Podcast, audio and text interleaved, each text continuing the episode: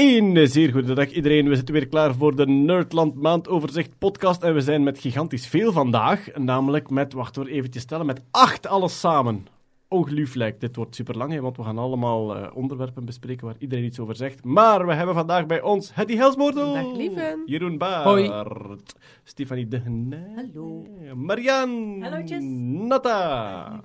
Bart van Pij. Hallo. En Kurt is er ook bij. Ja, ja. Dag Kurt. Het is de volledige Scooby-gang bij elkaar, denk ik, de, Ja. de eerste keer. Ja. En dus ja, iedereen is er, inderdaad. En dus we hebben één, één mobiele microfoon die kan doorgegeven worden en zo. Dus eh, het, het wordt een chaos. Eh daar zit niet anders op. Goed, we gaan het een beetje doen zoals de vorige keren. Een beetje kort nieuws, dan de lange nieuwsjes en dan weer een beetje kort nieuws. Voilà. een geniaal redactioneel concept. We noemen het de sandwich. ja, inderdaad. Laten we dan maar beginnen met een enkele korte nieuwsjes. Eh, de eerste, eh, NASA heeft een persbericht uitgestuurd waarin, z- eh, eh, waarin staat dat zij denken dat Planet 9 hoogstwaarschijnlijk echt bestaat. Dus ik eh eventjes up to speed, voor wie nog niet mee is. Eh, Planet 9 is een jaar of drie geleden, denk ik, voor het eerst opgeworpen als zijnde een zeer, eh, ja, een relatief grote negende planeet, want nu dat Pluto weggevallen is en een dwergplaneet geworden is, zijn er maar acht meer. Een ehm, negende planeet die redelijk ver buiten de andere planeten ronddraait. Hij zou ehm, twintig keer verder staan dan Neptunus. Dus Neptunus de verste planeet, nu dat Pluto weg is. En twintig keer verder zou er nog een grote planeet hangen, tien keer zo groot als de aarde, die in een orbit tussen de 10.000 en de 20.000 jaar rond de aarde draait. En de theorie is er gekomen omdat er een paar objecten zijn in de Kuipergordel die een gekke baan hebben, die ze niet konden verklaren, die een afwijkende baan hadden. Tot als opeens een astronoom zei van, eh, eh, wacht eens, als we nu eens hypothetisch uitgaan van een grote planeet die zo ver hangt, dan klopt het dat hij de baan van die objecten zodanig afgebogen heeft dat ze eruit zien zoals nu. Dus ze hebben gewoon een computermodel gemaakt met die negende planeet erin. En dat verklaarde opeens een hele hoop onverklaarde dingen in de Kuipergordel, waardoor ze er nu van uitgaan dat er een negende planeet is. Dus hij is nooit waargenomen. Nee. Oké. Plot twist, het is Pluto die verder gaan staan is en dikker geworden is. Echt zo chagrijnig. We wel op planeet. Nou, Ga Twixen eten en verder staan. Ja, maar het is, het is dus inderdaad enkel circumstantial evidence. En er was veel over te doen, als zijn de believers en non-believers. Maar het feit dat de NASA nu deze maand ook zegt van... Kijk, volgens ons lost het meer problemen op dan het creëert. Dus zij gaan er nu ook van uit dat het hoogstwaarschijnlijk dat is. Zeker is het niet, want er is enkel circumstantial evidence. Die dingen kunnen ook op andere manieren verklaard worden. Maar de meest elegante en simpele manier is nu om toch die Planet 9 te pakken. En de persoon die dat voor het eerst opgeworpen heeft, is eh, Mike Brown, die op Twitter bekend staat als Pluto Killer.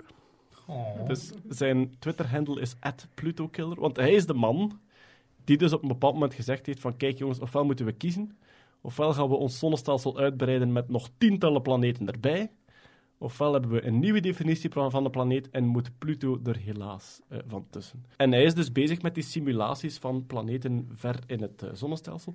Maar, Hetty, om op uw vraag terug te komen, en daar was ik zelf eigenlijk ook ja, het kind sprong op van vreugde in mijn schoot, zal ik zeggen. Mike Brown gelooft dat binnen de 16 maanden, en met 16 maanden bedoelt hij niet deze winter, maar voor het einde van volgende winter, dat Planet 9 rechtstreeks geobserveerd zal worden. En dat zou toch echt een uniek moment zijn in de wetenschap, het ontdekken van een nieuwe planeet, wat dat wij toch associëren met zo de Galileo-tijden eigenlijk. Hè.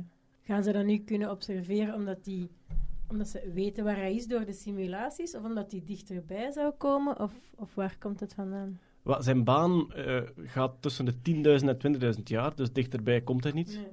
Natuurlijk, die vooropgestelde baan die de onverklaarde dingen in de Kuipergordel zou verklaren, die ligt gigantisch ver, waardoor die ook gigantisch groot is. En waardoor dat object zeer zwak is. Er zijn nu een tiental teams daar actief naar op zoek. En Mike Brown denkt dat het aantal teams dat er actief naar zoekt gaat stijgen, omdat de kans dat het echt bestaat zo groot aan het worden is. Dus binnen de 16 maanden, niet omdat hij dan observeerbaar wordt, maar gewoon omdat er dan genoeg mensen naar op zoek zijn. Ja, en ik denk ook dat het te maken heeft met de seizoenen, want ze zoeken op Hawaii. En daar heb je in de winter natuurlijk langere nachten, dus misschien dat dat er ook iets mee te maken heeft, maar dat ben ik niet zeker. Ja, maar ik bereid mij wel voor op het nieuws. Nieuwe planeet ontdekt. Dat is al een En gaat, hij- gaat hij dan een nieuwe naam krijgen? Buiten Planet? Pluto 2. Stel je voor. Nu gaan we die Pluto noemen. Ja. Maar dan zou er wel... Goed ja, en ik denk dat daarom die teams daar ook opspringen. Ik bedoel, een planeet ontdekken, ik denk dat je niet veel verder komt dan ah, momenteel als astronoom dan dat op je naam te schrijven. Voordat we verder in het universum beginnen kijken naar exoplaneten met leven op en zo, lijkt dat nog wel het hoogst haalbare. Een planeet binnen het zonnestelsel. Waardoor dat er natuurlijk steeds meer teams zijn van wij gaan ook zoeken, want wij willen dat doen. En als dat dan een Amerikaans team is, dan zijn die Amerikanen eigenlijk van dat complex vanaf van Pluto Ja. was van ons en nu niet meer. Ander kort nieuwsje. ehm, Facebook gaat een virtual reality set uitbrengen. Dus samen met Oculus, denk ik. Dat is overgekocht geweest, omdat Oculus was een start-up die begonnen was met gaming headsets, of toch heel hard gemarket daarvoor. En eh, dat is opgekocht door Facebook, want Facebook heeft heel veel geld. En de lead developer bij Oculus is dan vertrokken. Palmer Luckey, die is een beetje crazy geworden. Dat is zo'n heel harde Trump-fanaat geworden. Die is daar gelukkig weg nu, want die, die was nogal slecht aan het afschijnen op het bedrijf. En nu maken ze dus een mobiele, goedkopere headset, omdat de meeste van die Oculus-brillen, zo een Oculus Rift, het consumermodel, is toch 600 euro Ja. nog altijd. En een goedkopere mobiele set, waar je dus geen beest van een computer moet aanhangen. Daar zit Facebook wel graten in. Vooral ook om hun sociale eh, netwerk te promoten. Dus we zetten alle twee zo'n bril op en we zitten in een virtuele living met elkaar te babbelen en spelletjes te spelen en Ja. te consumeren. Vooral. Door elkaars. Ja. fotoalbum te gaan enzovoort. Inderdaad. Mijn eerste idee was ehm, eh, Ready Player One natuurlijk. Hè. Natuurlijk, ja. Oasis. En we gaan dat eventjes duiden voor eh, de, de niet-geeks. Ready Player One is eh, een zeer populair geekboek eh, dat gaat over de nabije toekomst, waarin dus er een Facebook-achtige sociale netwerk eh, is dat volledig zich in virtual reality afspeelt. En zeer veel mensen lijden dus aan een soort escapisme en zijn arm hier in de werkelijkheid en zitten hele dagen in dat virtueel netwerk. En dan speelt zich daar een geweldig avontuur af. Spielberg is aan het verfilmen. Hè. Ja. De Er zijn, komt er een zijn film al van. trailers van. Ja. Ja. Er zijn al trailers van. Het is zo heel tof in de jaren 80 sfeer. Helemaal zo Monty Python passeert, E.T. passeert. Nostalgie, hè? Nostalgie vooral, ja. Er is ook een opvolger van Armada, Die niet zo goed is. die niet zo goed Van is. Ernest Klein, ja. En daar komt ook al een film van, denk ik. Is echt? Ik denk dat Armada de filmrechten ook al verkocht zijn. Maar bij, ja. in Armada valt hij een beetje door de mand. Dus lees Ja. Ready Player One, heel tof boek. En Ja. de andere moet je dan maar zien. Ik vind het een beetje spijtig dat het bedrijf dat zo hard aan het pushen is op die VR en AR, wat ik wel heel toffe technologie vind, dat dan net Facebook moet zijn. Alleen van, van alle dingen waar ik nu een bril van wil opzetten, niet van dat bedrijf. Waarom? Ja, omdat die toegang krijgen tot heel, heel, heel veel persoonlijke informatie, Mm. denk ik. Eens dat je VR begint te gebruiken voor niet noodzakelijk... wat, nog meer bijvoorbeeld? Want met je telefoon en je locatie en alles het toch al heel veel. Jij geeft al heel veel vrij, maar bijvoorbeeld VR, als, letterlijk waar dat je naar kijkt in een virtuele wereld, kan heel veel... Allee, je, je hebt de Ja, oogtracking zwaar, gewoon, ja. dat Ja. Ja, oké. Ja, en ook de toepassing blijft dan weer een toepassing rond, rond ja, ontspanning en, en vrije tijd. En er zijn zoveel VR- en AR-toepassingen die echt wel dingen gewoon beter maken qua operaties en, en Ja. remote surgery. En het krijgt zo heel veel een, een gadget. Je wilt niet dat uw chirurg in die operaties al staat en zegt van oh, ik moet inloggen met mijn Facebook, anders kan ik niet beginnen. Stel je voor. Ja, maar ja, als je zo'n Oculus Rift bril koopt, dan zeggen ze meteen van ah, je kunt inloggen met uw Facebook login hier en zo, hè, dan is alles al ingevuld. Nee, nee, nee, nee, nee, nee, nee, nee dat gaan we niet Convenience, hier. We are suckers for convenience. Eh, maar dus in, in de VR momenteel denk ik dat je kunt stellen dat eh, Oculus en HTC Vive de, Ja. de grote spelers zijn. En HTC is dan nog los van de Ja. grote Silicon Valley Oculus bedrijven. werkt ook samen met Samsung. Samsung Gear VR, dat, is zo, dat zijn van die systemen waar dat je een gsm, dat op zich al een vrij krachtig toestel is, inschuift. Ja. En die hebben eigenlijk een beetje het voortouw op systemen waar geen kabel naar een superkrachtige computer moet aanhangen. Ja, oké. Wat dat je bij een Vive en een Oculus Rift wel hebt, maar dat is, dat is meer op de gamermarkt gericht. Hè. Ja. Daar heb je echt gezien dat je twee frames moet renderen. Heb je een redelijk beest van een computer nodig om dat in real-time aan te kunnen. Terwijl zo van die brillen zonder computer dat je opzet, dat is eerder voor simpele applicaties, eh, films kijken, rondkijken. Ja, maar het coole met gamen is dat je ook zo eh, handconsoles hebt, waarbij dat je effectief kunt sturen. En dan heb je wel een computer nodig waarschijnlijk om dat te kunnen verwerken. Mijn moeder heeft dat bij ons thuis geprobeerd en ze heeft die controller tegen de muur geslagen. Ik had de, de safe zone niet zo geweldig ingesteld, dus het werkt. Ik ben gaan VR gamen eh, een tijdje terug. Eh, hier, hier in Gent is er zo ja, een bedrijf waar je gewoon kunt eh, voor een uurtje zo een, een, ja, zo een speelveldje afhuren. Het is geweldig verslavend. Het is heel verslavend. Ehm, ik ben ook in Amsterdam naar de eerste virtual reality eh, eh, cinema geweest. Dat is tof, omdat je, je zit eigenlijk in een soort nieuwe manier van cinema. En je merkt heel hard dat die aan het zoeken zijn naar hoe gaan we dit nu gebruiken. Dus je zit zo'n beetje terug in de gebroeders Lumière. Als zijnde, er zijn zo een paar kortfilms die je daar bekijkt. Dat is allemaal nog een beetje wankel, omdat ze nog aan het zoeken zijn van hoe gaan we dat medium nu gebruiken. Ook de pixels zijn nog te groot, dus je zit er niet volledig in. Het verjaardagsfeestje van een egel. En dat is zo'n heel schattig Disney cutesy-achtig filmpje. En het leuke daaraan is, je ziet op dat, dat, dat filmpje speelt zich af en je ziet op dat verjaardagsfeest, maar de personages die kijken met hun ogen naar u, waardoor je je echt betrokken voelt. Dat is zoiets heel simpel, dat je eigenlijk met een gewone film nooit helemaal kunt bereiken. Dus dat je je oog ook beweegt en je gaat wat dichter tegen die tafel zitten en je krijgt een stukje taart aangeboden. Het is allemaal wel cutesy dingen, maar Echte Iedereen, taart. ja, echt de taart. Iedereen waar dat ik het mee uitprobeer is altijd zo van... Oh, dat arme egeltje. En er komt niemand op zijn verjaardagsfeest. Oh. Dus ik denk, in dat soort dingen, voor, voor kinderen, in, in echt een beetje reactie uitlokken, denk ik wel dat het toekomst heeft. Ik denk, als je momenteel filmstudent bent, je maakt een soort VR-kortfilm, daar kunnen nog pionieren. Ik heb heel hard gemerkt in die VR-cinema in Amsterdam, je merkt echt van ze zijn aan het zoeken.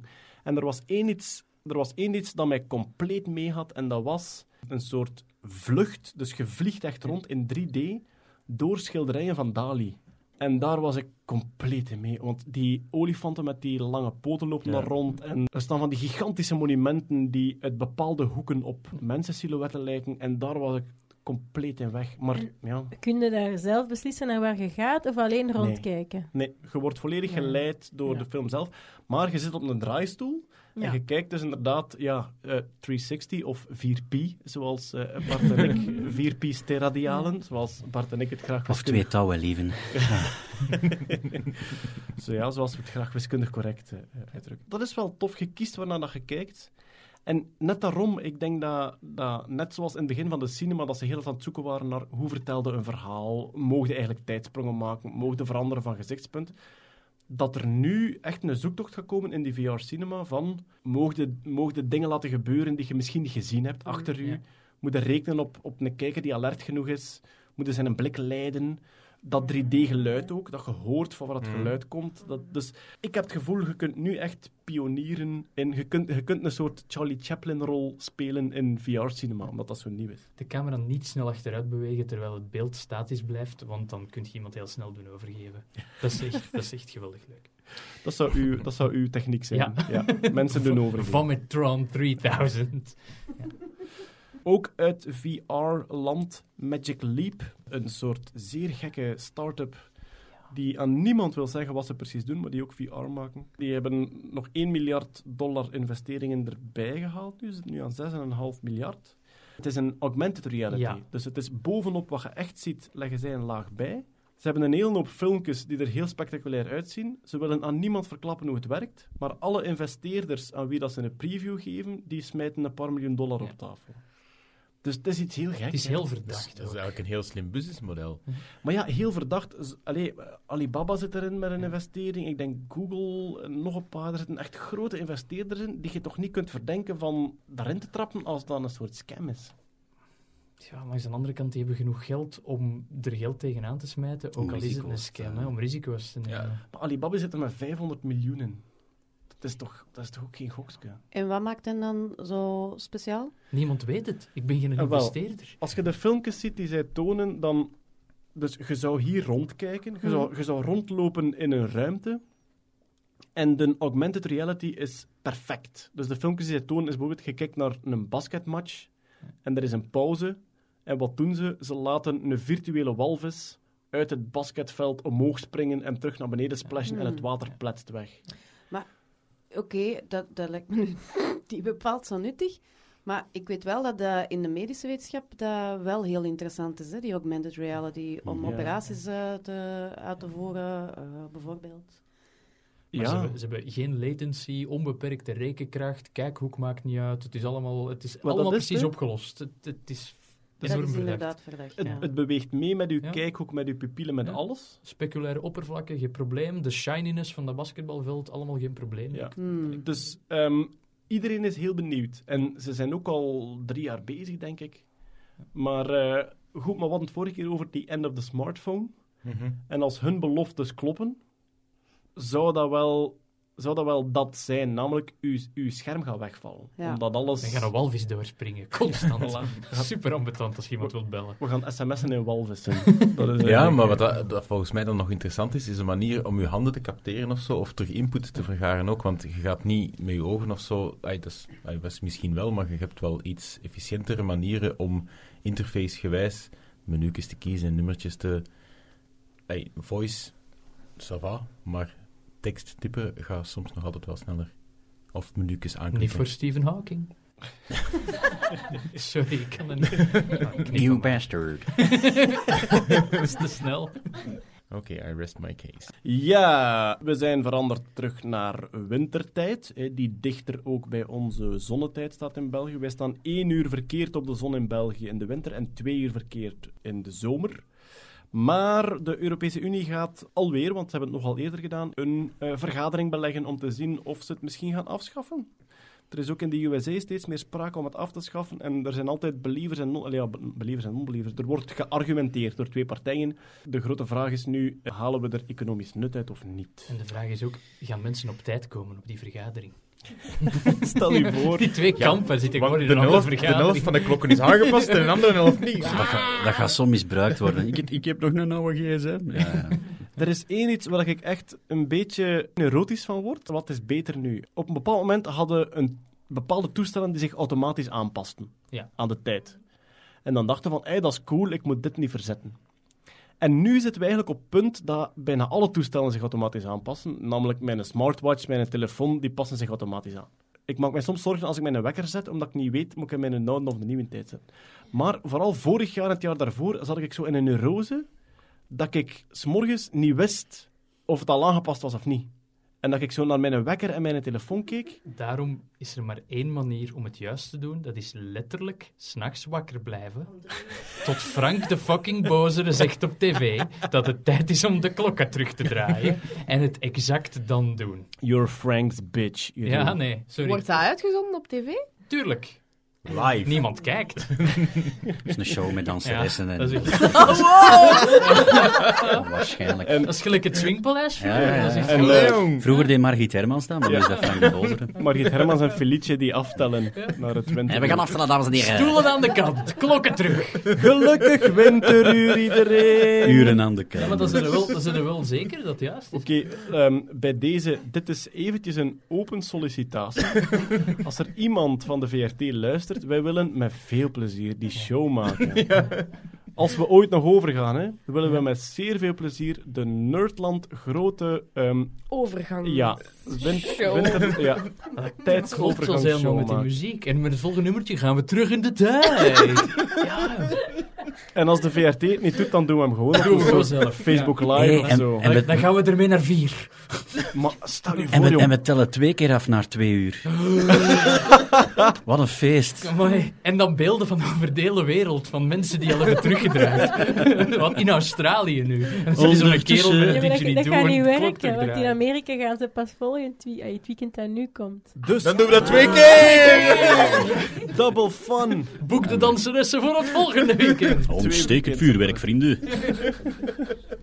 Zijn er landen die dat niet doen? Er zijn, er zijn sowieso landen die dat niet doen. Ja. Hè. Bijvoorbeeld in IJsland maakt dat niet uit. Want in de winter is het Ah, altijd donker en in de Ja. zomer is het altijd licht. En die gaan zich echt niet bezighouden met een uur te verzetten.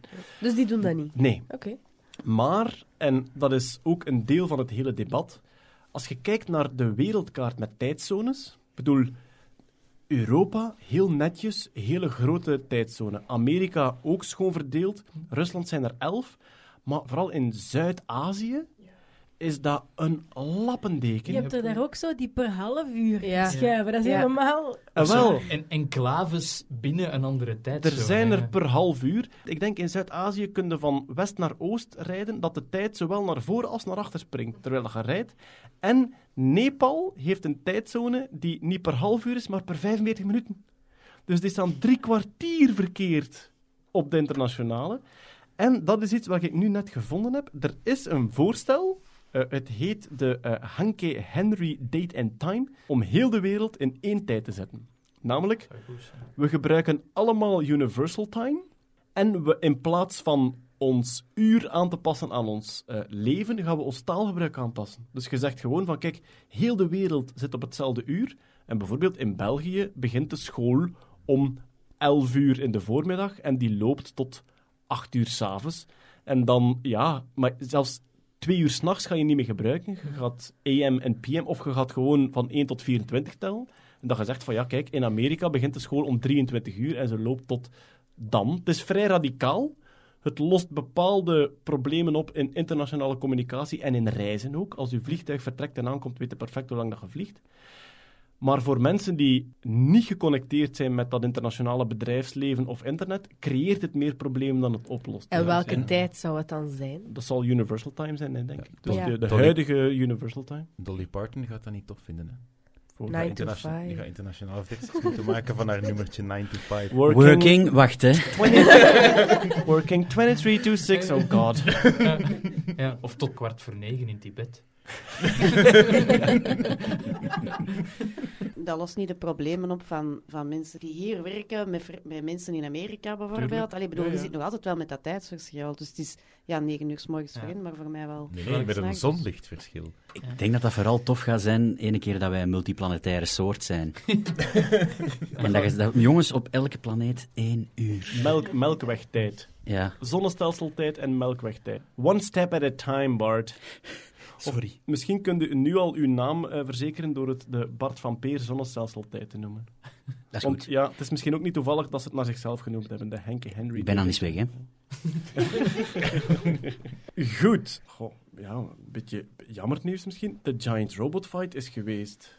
Het was een dikke sof. Ja, Ja. wij waren zo al een tijdje aan het opbouwen. Er was een robotbedrijf in Amerika Ja, die en zeiden van... eentje in Japan. Onze robot kan supergoed vechten. En een Japans bedrijf zei, wij gaan tegen uw robot vechten. En dan gingen ze twee robots bouwen van vijf meter hoog die tegen elkaar gingen vechten. En wij dachten dat het volgende zomer ging zijn. En nu opeens verscheen... Ze hebben gevochten op 17 oktober. En ze hebben wel met een auto gesmeten, denk ik, ene keer. Ja, ze hebben een raket geschoten ook, maar ze staan gewoon stil. Ja. Niet zo tof om naar te kijken. oké. Dus ja, kijk, wie het toch wil zien, Giant Robot Fight, de beelden zijn te vinden op het inter... Het is een eh, beetje uitgedraaid op gewoon reclame voor de twee bedrijven. Oh nee. Wij waren echt gewoon naïef genoeg om te denken dat het Transformers 7 ging zijn. nope. Misschien komen er nog Giant Robot Fights. Je moet maar zo denken. Misschien, komen er nog... smaak te Eh, pakken. Jeroen, ja. het was Transformers 7. Het is een beetje zo'n arthouse film. Zo. Worst movie ever. Nog twee snelle nieuwsjes. Eh, eentje. IBM heeft een nieuwe techniek en ze gaan computers 200 keer sneller maken. Dan kijk ik naar Marianne natuurlijk. Ja, ehm, wat ze eigenlijk willen doen is afstappen van wat dat we de von Neumann architectuur noemen. En von Neumann, dat is een hele tijd geleden. Een nazi. Nee. Sorry, sorry, dat gaat af bij mij dan, dat alarm. Hè. Dat was een Hij heeft nazi. een Duitse naam, het is een wetenschapper. Een, Dus. weet- ja, een, eh, een wetenschapper-ingenieur. In een processor heb je geheugen, daar zit al je data waarmee je wilt rekenen.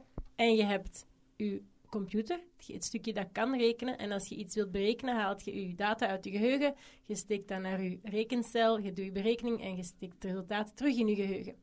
Dat heeft altijd lang goed gewerkt, maar het probleem is nu dat die door de kleinere en kleinere chips wordt dat geheugen dat willen we groter en groter maken omdat we veel data willen stockeren. Maar die berekeningen die worden efficiënter en efficiënter, want we gaan super kleine transistoren bouwen. En eigenlijk begint de volledige overheid, zowel van de, de, de, de tijd, de rekentijd, als in de energie voor het rekenen, te zitten in gewoon de data halen uit het geheugen en het naar het rekenstukje sturen. Berekenen kost bijna niks meer, is super snel klaar, maar die data de hele tijd versluizen, daar gaat al onze tijd en energie naartoe. Dus waar zijn nu veel mensen naar aan het zoeken, is naar in-memory computing, hè, in het geheugen rekenen, of ze noemen het ook computational memory. En er zijn al redelijk wat werk rond gedaan, maar altijd op hele kleine geheugentjes, met maar een paar duizenden bits. En IBM heeft nu iets gedaan met 1 miljoen bits, waar ze kunnen rekenen in een geheugen van 1 miljoen celletjes. En, ze hebben daar een applicatie op gemaakt, gemapt en dat is eigenlijk clustering, dus correlaties zoeken tussen patronen. Ze hebben heel veel temperatuurdata van heel de Verenigde Staten en ze kunnen daar supersnel en efficiënt zien welke temperatuursequenties gecorreleerd zijn. En dat gaat dus veel sneller dan als je dat op een gewone computer doet. Maar waarom gaat de processorkracht naar het geheugen doen en niet omgekeerd? Waarom steekt er niet meer geheugen in je processor? komt eigenlijk op hetzelfde neer. Ze willen Ja. eigenlijk gewoon zeggen dat je moet zorgen dat je zo dicht mogelijk bij waar je de data opslaagt ook gaat rekenen. Nu, ze hebben dat nu gedaan voor een toepassing die zich daar heel goed toe leent, want die moet alleen maar lokaal data gaan vergelijken en niet iets dat links in het geheugen zit gaan vergelijken met iets helemaal rechts, ver weg in het geheugen. Want dat zou niet efficiënt gaan. Dat werkt eigenlijk alleen efficiënt voor dingen waar je heel data die dicht bij elkaar zit, met elkaar moet beginnen eh, connecteren. Dus ze hebben eigenlijk een toepassing eruit gevist die supergoed matcht op Ja. wat ze hebben gebouwd. En daar gaat het heel snel voor. maar we zitten nog wel heel ver voor Ja. zoiets gebruiken voor eender wat. Want op deze moment zijn dat dus eh, rekeneenheden en geheugeneenheden die een beetje door elkaar liggen. Ja, het is eigenlijk, of het is eigenlijk face change memory. En face change memory zijn bitcells, dus geheugencelletjes, waar dat je eigenlijk de waarde kan doen veranderen door er meer of minder stroom door te sturen. Ah ja. En eigenlijk wat ze gaan doen, bijvoorbeeld als je wilt weten dat twee dingen gecorreleerd zijn, dan ga je aan twee kanten van dat celletje, ga je eigenlijk, als je daar dezelfde datapatronen stuurt, dan gaat dat celletje sterker worden. En stuur je daar tegengestelde datapatronen, wordt het zwakker. En zo kan je dus door er heel veel data langs te sturen, kunnen gaan zien wat wordt er sterker en wat wordt er zwakker. Dus eigenlijk de geheugencel zelf kan een soort van eenvoudige berekening doen. Is dat, is dat een stap richting neuronen? Dat heeft eigenlijk veel links met neuronen. Dus je ziet typisch dat toepassingen die daarop gemapt worden zijn AI en artificiële intelligentie En toepassingen. ja, beeldherkenning. omdat dat daar heel hard mee Het is moeilijker voor sequentiële programmeerstappen te doen. Want doe Ja. eerst dit, doe eerst Ja. dat. Het is vooral, doe alles dit Ja, tegelijkertijd. niet Ja. if then else, Nee. maar gewoon massief parallel dingen vergelijken met elkaar. Maar dat is, dat is ook... eh, allee, zo gaat het Dat in is ons een manier om te hoofd. berekenen, hè, absoluut. Nu, ik denk als het er ooit doorgeraakt, dan zal het net zoals we nu een GPU hebben die de grafische dingen snel kan doen enzovoort, gaan we dat hebben als een soort van co-processor. Dat heel veel gebeurt op de normale computer, Ja.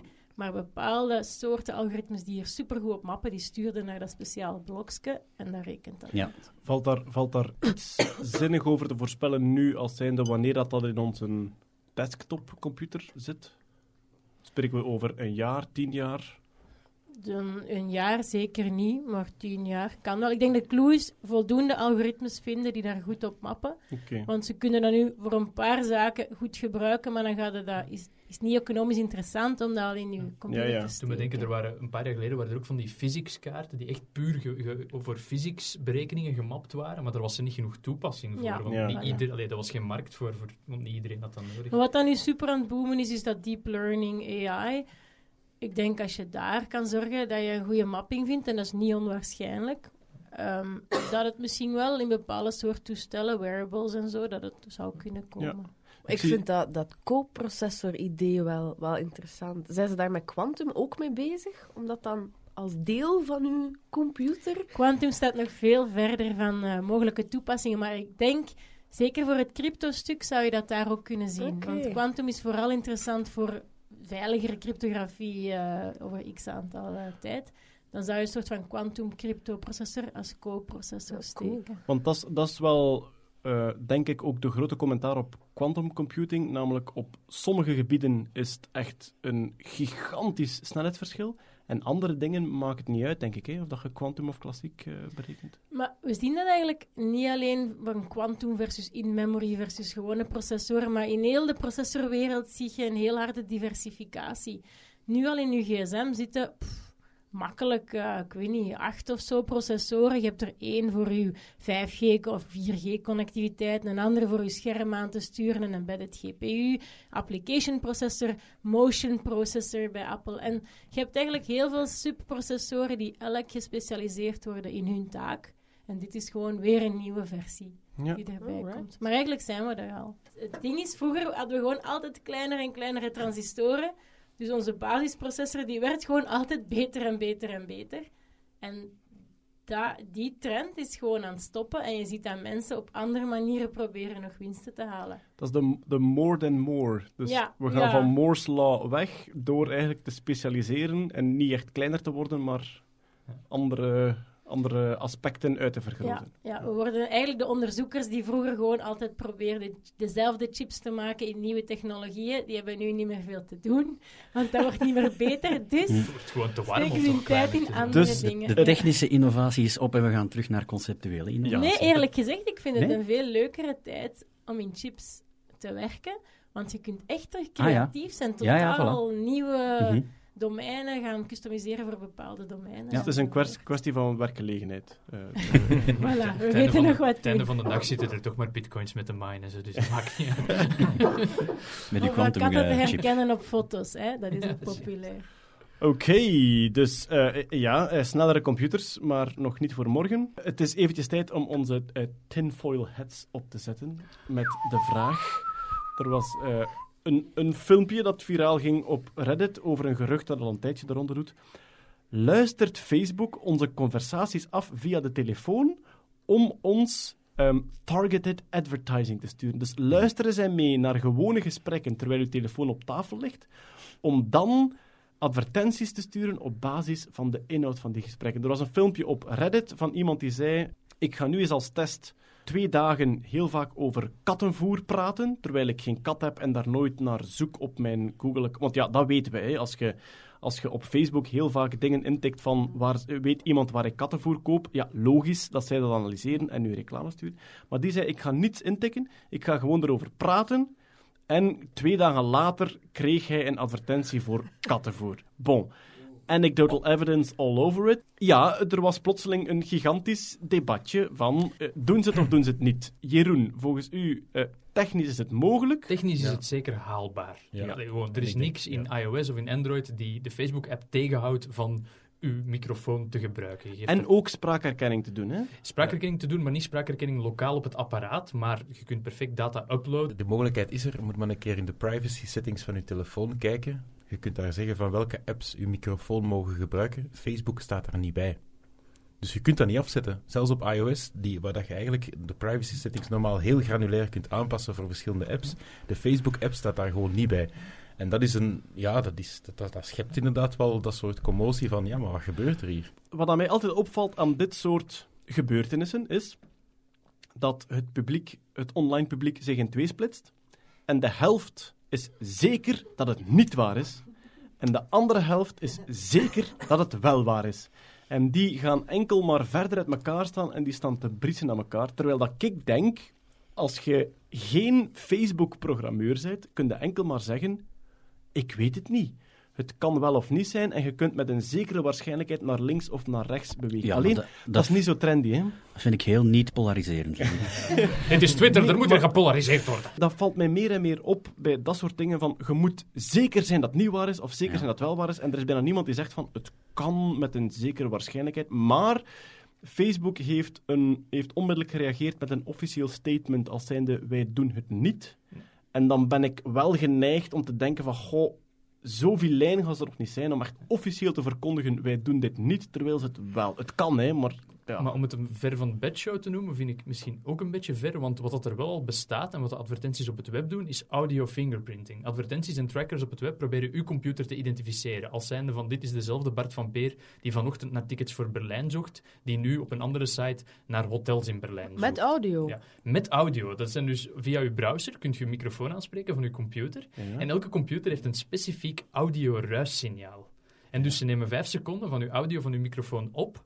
En waarschijnlijk gaat Bart zijn computer ochtends hetzelfde klinken als in de namiddag. En dat is maar één van de vele identifiers die ze kunnen gebruiken om computers te identificeren. Dus een microfoon Mhm. wordt al ingezet in targeting en advertising. Dus daar is niet over te discussiëren. Ja. Dat gebeurt al. Dus de opstap Ja. naar tekst of detecteren wanneer er iets gezegd wordt, of alleen luide stukken tekst analyseren, of herhalende patronen analyseren, is niet zo ver gezocht. De geluiden van uw keystrokes ook, heb ik Ja, de eens- geluiden van uw kiestrook. Ja. Maar je dat? Je vindt heel veel mensen die een webcam afplakken. Eh, Ja. Een kwestie van het feit dat die dingen gehackt worden. Eigenlijk zouden uw microfooningang van uw computer ook eigenlijk met zo'n vier ring ehm audio jack eigenlijk constant moeten... Ah, dus je stikt er een mini-jack in, waardoor Een dat mini-jack denkt... met vier ringen, dat is belangrijk, want anders gaat uw iPhone of uw computer niet als een micro detecteren. Dus Ja, dus waardoor de computer denkt, er zit hier ja, een er is een microfoon, in, en zijn een micro van zijn eh, computer maar zelf dat afzet. is, dat is een nepstuk Ah, dat geen audiosignaal Nee, dus doorgeeft. eigenlijk als je Ja. gewoon... Hey, ik wil geen bangmakerij, maar je zou bijvoorbeeld wel zo'n kapotte ehm, handsfree oortelefoontje met micro kunnen pakken. Je knipt die een draad eraf en gewoon het jackje steekt je in je dinges. En eigenlijk sluit je daarmee je micro fysiek af. Maar je kunt ook software schrijven die dat omzeilt natuurlijk. Hè. Als je Dat detecteert kunnen, van ja. er komt hier geen zinnig signaal uit, ga ik toch naar de gewone microfoon. Tenzij dat je een eigen kernel bakt en hem lijn per lijn nakijkt. Elke fucking week. Hoe conspiracy. Ja. Maar dat zo waarschijnlijk zo de Linux-believers vinden dat iedereen zou moeten doen. Ja, de Linux-believers hebben geen tijd om te bellen, want die zijn bezig met kernels te combineren. Wat eh, interessant was, naar aanleiding van dat Reddit-filmpje waar ze over kattenvoer praten. En dan een, Ad- twee dagen later, eh, twee dagen, Ja. een ad van kattenvoer zagen. Blijkbaar is, kan dat ook toegeschreven worden aan wat ze het Bader-Meinhof-fenomeen noemen. En dat is Dat is eigenlijk je iets dat we allemaal hebben. wordt. Nee, maar we allemaal hebben als je iets voor het eerst hebt gezien of erover hebt gesproken. Ineens zie je dat overal. Ja. En Ja. vrouwen die zwanger willen worden, zien overal andere vrouwen die ineens zwanger zijn. Ah, wel ja, maar dat, dat is ook het grootste argument tegen dat filmpje, denk ik. Hoe heeft hij op voorhand gemeten wat de frequentie van contact Tuurlijk. met Waar kat, is de katten... nulmeting? Want Ja. blijkbaar, Inhoud was- blijkbaar zien we wel duizend advertenties per week. Ah ja. makkelijk. Maar En ik, ineens valt die ene nu op. bewijs is het niet, hè. Laat dat duidelijk zijn. Ik bedoel, het is zo anekdotisch als het groot is. Er zit ook een gigantische publication bias in. Misschien hebben honderd andere mensen het geprobeerd en het is mislukt, maar die ga je nooit of te nooit op YouTube of op Reddit zien. Dus er valt geweldig veel over te zeggen, methodologisch enzovoort enzovoort. Maar ik vind ook wel een heel boeiend gesprek om te horen van technisch is het geen probleem. Het kan Stel- technisch, ja. Voilà, stel dat Facebook het morgen zou willen doen, dan kunnen ze het ook doen. Het feit dat ze het zelf officieel ontkennen, geeft mij echt wel vertrouwen. Hoor. Ik, ben, maar ja, ik ben misschien ook naïef geboren, dat weet ik niet. Maar ik ben, ben niet zo cynisch dat ik denk van, ze gaan het officieel ontkennen en het dan toch doen. Dat lijkt mij... Goh ja, Jeroen wist hier juist toch al dat ik vanochtend tickets naar Berlijn heb besteld. Dus, eh, Minder ja. luid tippen.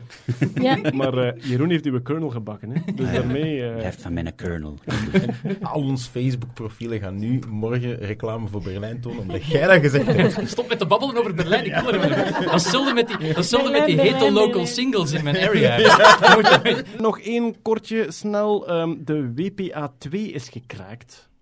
WPA2 is een van de wifi-beveiligingen. Ik denk de Ja. meeste mensen herkennen dat als je zo WebKey of WPA-key Ja, als je eh, een moet invullen. WPA2-sleutel moet invullen, dan gebruik je WPA. De vorige was Web, en die is al eh, gekraakt. En WPA2, eigenlijk alle wifi-beveiligingen werken. In het begin moet je computer, met het, het wifi-baksken, zal ik het maar eh, onwetenschappelijk noemen, moet die, moeten die onderhandelen over hey, hallo, ik wil op het internet. En dat wifi-baksken zegt, je mag op het internet, kent je het paswoord. En die hele onderhandeling noemen we een handshake. En door een bepaald stuk van die handshake te herhalen als een vals, eh, als een vals netwerk, kun je eigenlijk informatie afluisteren die andere mensen op het netwerk versturen. Dus concreet, er is een gebruiker die met zijn telefoon op Ja. een wifi-netwerk wil. En Ja. die telefoon onderhandelt even met dat wifi-netwerk Ja. van hoe gaan we dat hier doen. Jij bent in de buurt. Ik En jij kruipt ik- ertussen. Ik noem mij exact hetzelfde als dan de wifi-netwerk waarmee dat die telefoon aan het onderhandelen is. Dus, Dus, jij noemt jezelf Telenet Hotspot. ik noem mezelf het hotspot bijvoorbeeld. En dan kan ik daartussen kruipen en informatie eh, afnemen. Maar de echte Telenet Hotspot heeft niet door dat er iemand tussen Nee, zit. klopt. En dat is ontdekt aan, aan, door onze fantastische collega's die een, een, een, bureau onder u zitten, Marie. Ja, het verdiep onder mij. Op, Dus jij wordt, afge elektrotechniek. jij wordt afgeluisterd, Marianne. Dat is, Waarschijnlijk. dat is wat we nu. Dat zijn de mannen die echt hun kernels bakken, ze. die zitten daar. Maar het is dus een fout in het protocol, niet in een implementatie. Dus dat is een protocol dat is uitgeschreven, dat, dat, dat, is, dat is goedgekeurd al heel lang geleden, dat is al tien jaar oud of zo, denk ik, WPA2. Eh, maar het is dus letterlijk een fout in de manier waarop dat het is bedacht en niet in een, een specifieke implementatie of zo. En nu? En nu moeten al die apparaten gepatcht worden en, en, en al die Ja. bedrijven moeten dat doen. En, Dus- en nieuwe apparaten, daar moet een nieuw protocol voor geschreven. Of zijn ze daarmee bezig van, oké, tijd voor een het nieuw... is backwards compatible, dus door het op een andere manier te implementeren kun je het wel aanpassen. Ja. Mijn telefoon kan gemakkelijk gepatcht worden. hè. Ik krijg Ja. regelmatig software-updates. Mijn Ja. computer ook. Moet mijn eh, wifi-bakje gepatcht worden? In principe, principe als alle clients die met dat wifi-bakje verbinden gepatcht zijn, niet. Maar ik denk dan bij mezelf van, is het niet gemakkelijker om de bron ook te patchen? Want Maar, ja, oké, maar ik denk even aan wat er maatschappelijk gaat gebeuren. Je kunt onmogelijk verwachten dat kamerbreed maatschappelijk mensen plotseling hun wifi-router gaan patchen. Ze zouden eens iets kunnen leren, lieve. Ah, wel, ja, oké, maar Maar wat is goed. patchen? Eh, patchen, eh, er is een fout ontdekt in Een de software. ja, dat is zo West-Vlaams hoedje. Dat Ja, maar... Een pa- een patchen. Een Dus patchen. er is, er is een fout ontdekt in de software en bijvoorbeeld als je je telefoon update of je computer update, dan stuurt de producent, zijnde ofwel Microsoft of Apple of, of, of Google of gelijk wat, die sturen nieuwe software naar je telefoon, waardoor het probleem opgelost wordt, herschreven wordt. Ja. Een Maar- patch is eigenlijk een, een, een klein stukje dat je in de plaats zet van een stukje dat er al stond. hè. Zo'n klein plakkertje dat je over je fout pijntje plakt. Alright. Ja. Mhm. Maar dus, mijn telefoon wordt geüpdate, Ja. mijn computer wordt geüpdate, maar mijn, mijn wifi doet er niet. En je kunt onmogelijk verwachten. Er zijn ook heel veel mensen die het updaten van een computer of een telefoon zelfs geweldig lang uitstellen. Absoluut. Wil dat dan zeggen dat er momenteel stouterikken rondlopen met de code van de WPA2-fout die alles afluisteren? Dat is technisch gezien mogelijk, maar je moet weten, bovenop WPA2 gebruikt je als je surft ook nog andere beveiligingstechnieken. Als je naar een, een site surft met zo'n klein groen eh, Slotje. slotje, dan heb je daar bovenop nog een andere beveiliging die je nog eens beveiligt. Dus zelfs als je netwerk en je verbindingskanaal onveilig is, zet je nog altijd beschermd. Dus het is een zeer, zeer, zeer mooie ontdekking, maar in de wild bruikbaar, tenzij dat je een groot bedrijf bent met echt bedrijfsgeheimen en zo, zou ik er me niet meteen thuis zorgen over maken. Wat dan niet betekent dat je niet moet updaten.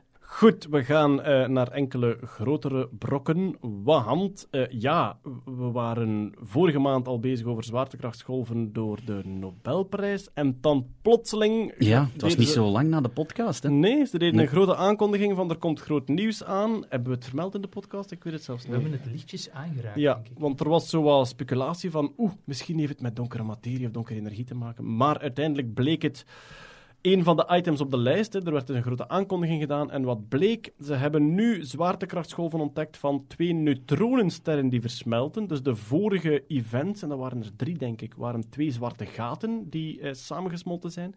En nu hebben ze ook twee neutronensterren ontdekt die versmolten zijn. Ja. Een event dat veel langer duurde. Die zwarte gaten was een kwestie van seconden. En nu zat het bijna aan een minuut, denk ik. Ja, ja, Dus één minuut detecteerbare zwaartekrachtsgolven. ja. Samen met een optisch... eh, ja, en dat is het belangrijke. Hè.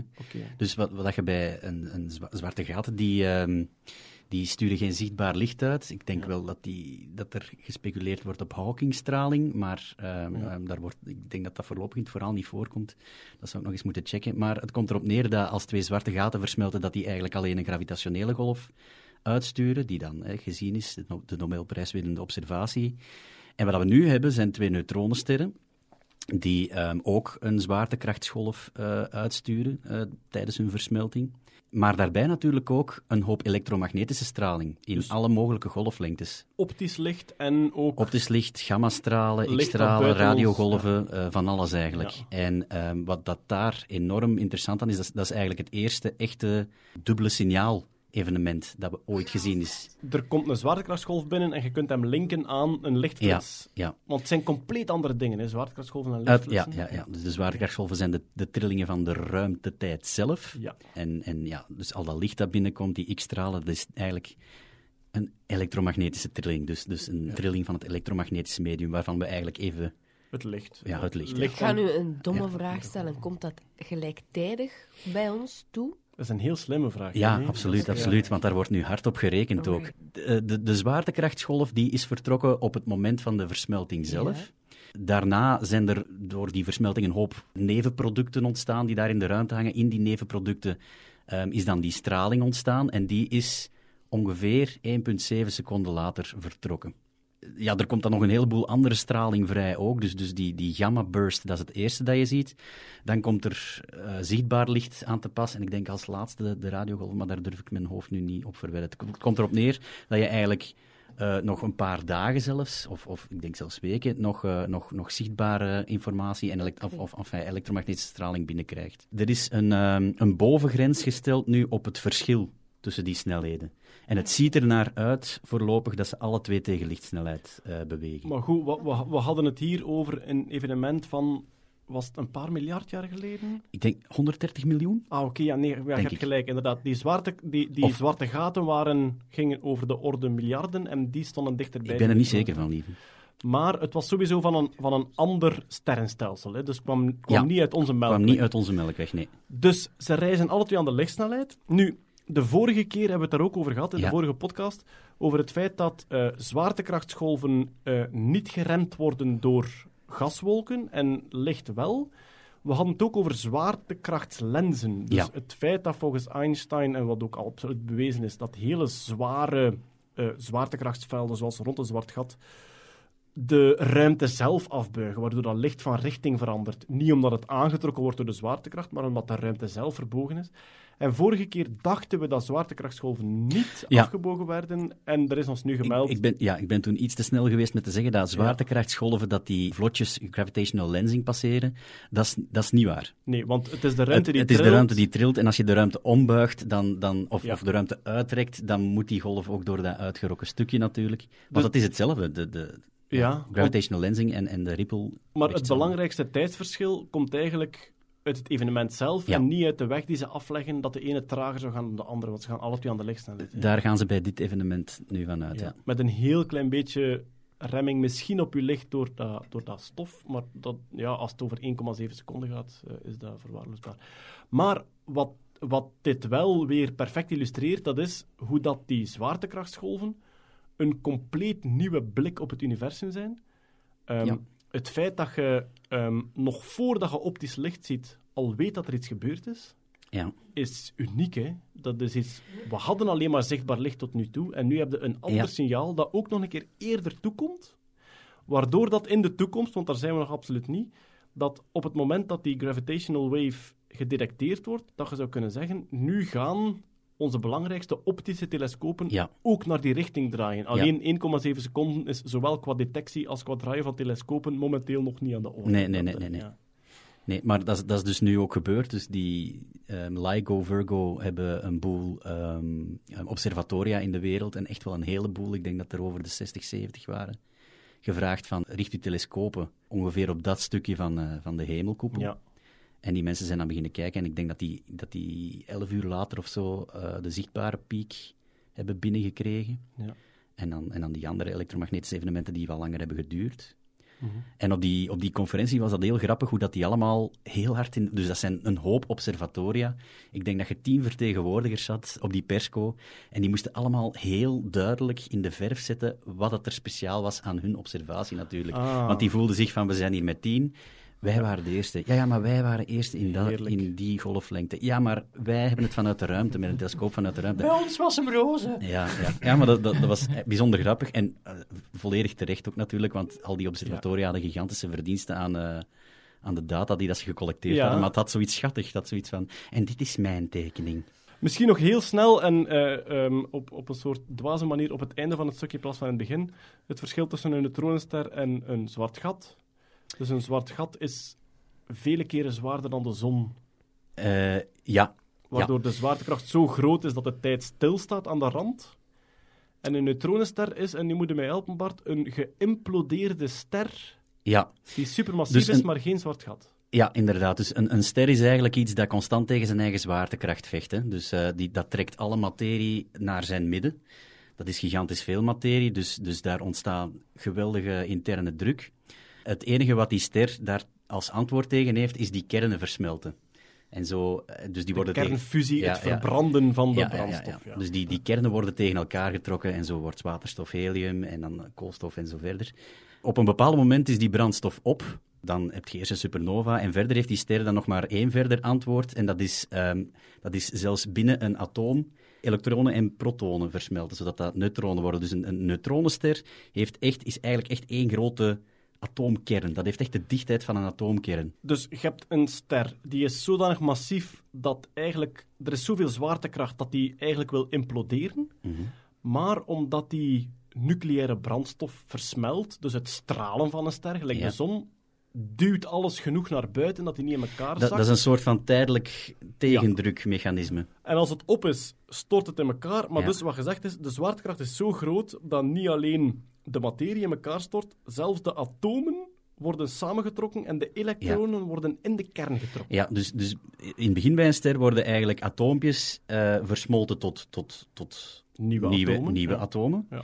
Maar dan worden, gaan de atomen er zelfs aan voor de moeite bij. Dus, dus dat, als je verder in het proces zit, eh, heeft, heeft dat zelfs geen zin meer om, om, om, om atomen te versmelten. Dan gaan die Ja. atomen er op zich aan. En dan, dan, dan kruipt een elektron eigenlijk in een proton. Dat wordt een neutron, daar, daar komen dan nog wat andere deeltjes bij vrij. En dat wordt voornamelijk één grote neutronenbal met de dichtheid van een atoomkern.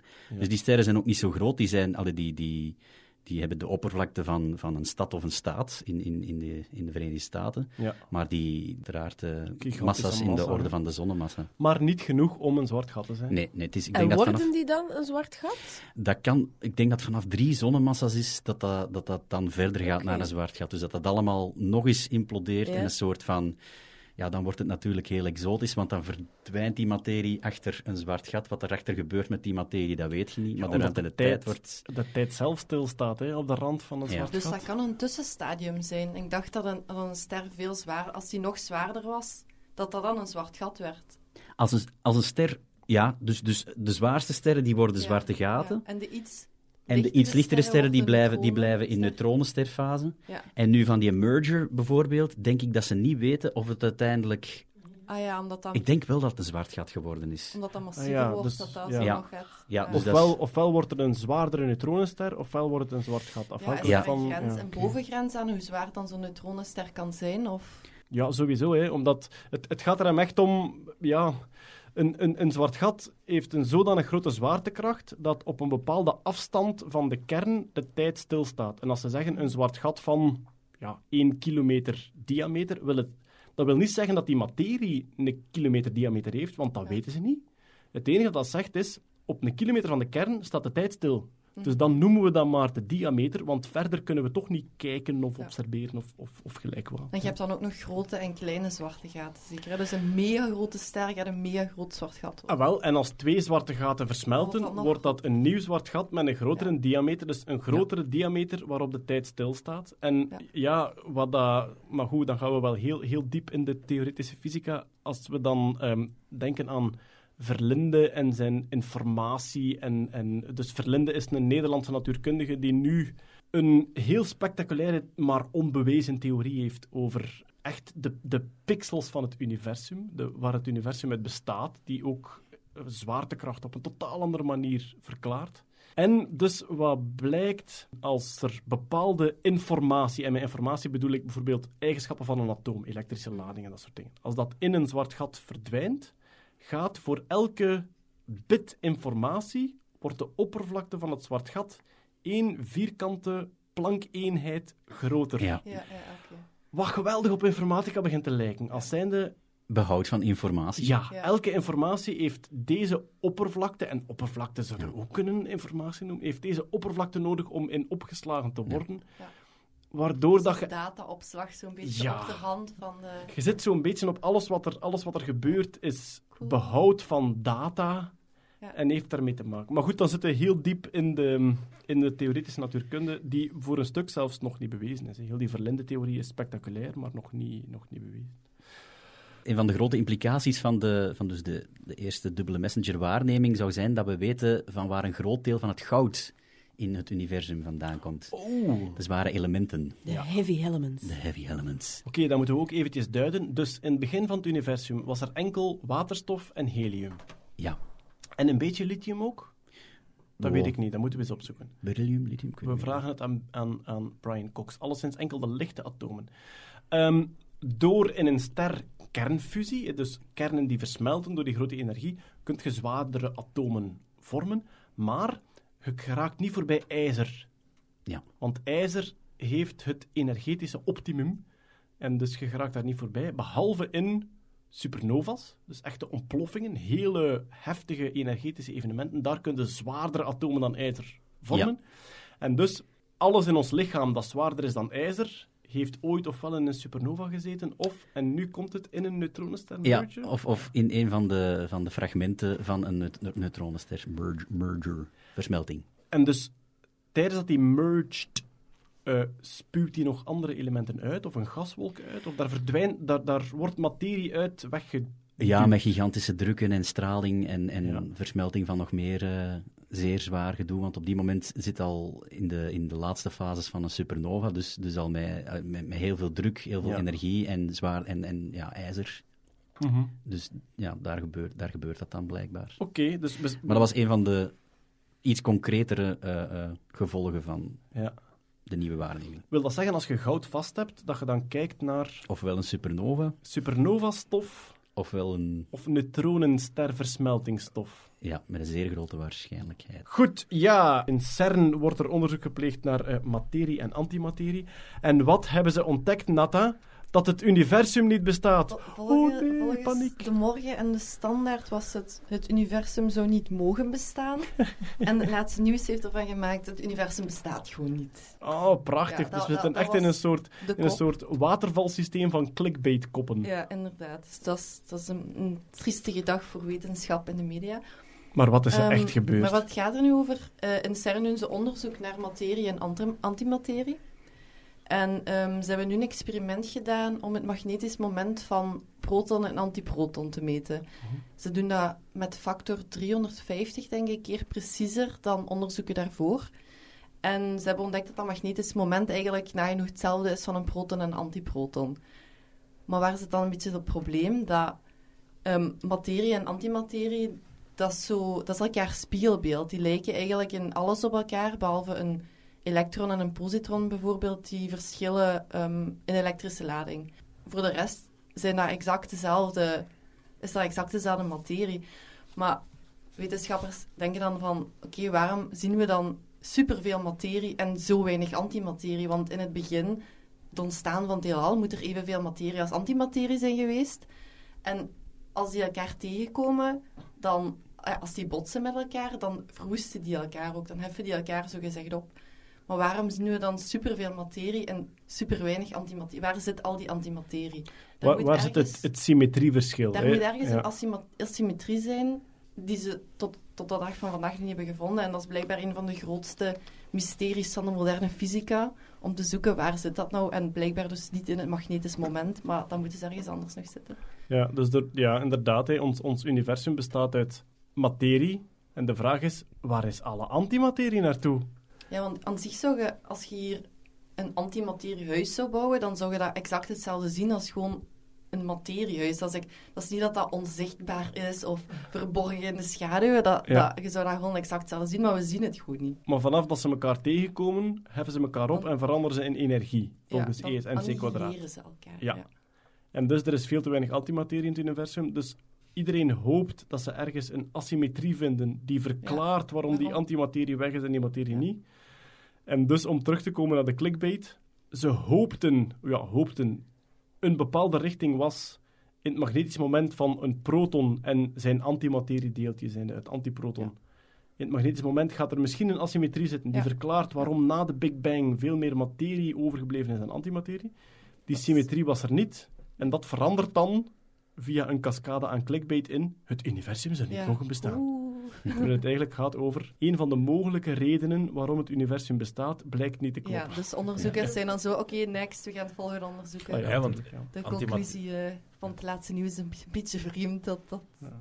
Ja. Want hebben ze eigenlijk al bewezen dat antimaterie echt bestaat? ja, ze kunnen Ja, dat maken. Ja, ze kunnen dat maken. Hè? In, in een lab maken ze dat na, ja. Wat is dan de volgende mogelijke hypothese? Allee, meest waarschijnlijke. Geen idee. Een andere asymmetrie, of ja, allez, je, kunt, je kunt zelfs naar. naar ehm, ik vraag me af of dat, of dat ze bij stringtheorie daar ook op, op werken, op materie, antimaterie. Want je zou zelfs Ja, kunnen zeggen van we gaan, we gaan naar andere dimensies. hè. Dus materie en antimaterie spelen zich nu af in, in onze vierdimensionele ruimtetijd.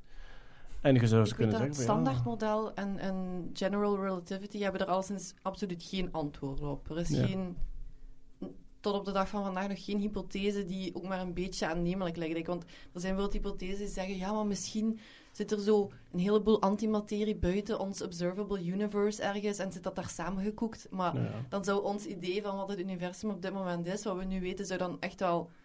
Ja, dan staan we eigenlijk nergens, dan hebben we nergens een heel grote denkfout gemaakt. Maar ja, dat dat er, lijkt super onwaarschijnlijk. dat er hoogstwaarschijnlijk nog heel wat bestaat buiten ons. Niet alleen ehm, geobserveerde universum, maar zelfs voorspelde universum, is vrij waarschijnlijk. Hè? Ja, dat is waar, maar ik, ik weet dat, ik heb ergens ook gelezen van iemand die zei van ja, maar dat kan toch dat een ander sterrenstelsel dan wordt gemaakt dus uit antimaterie. Je zou dat niet meteen zien, maar je zou dan aan de rand van dat sterrenstelsel wel moeten zien dat dat Tuurlijk. interageert met materie. En dat zou je visueel zelfs kunnen zien. Dus Dat je constant gigantische energie ja, hebt van ze, materie denk, die botst met antimaterie. 30 ja. jaar ook al naar op zoek.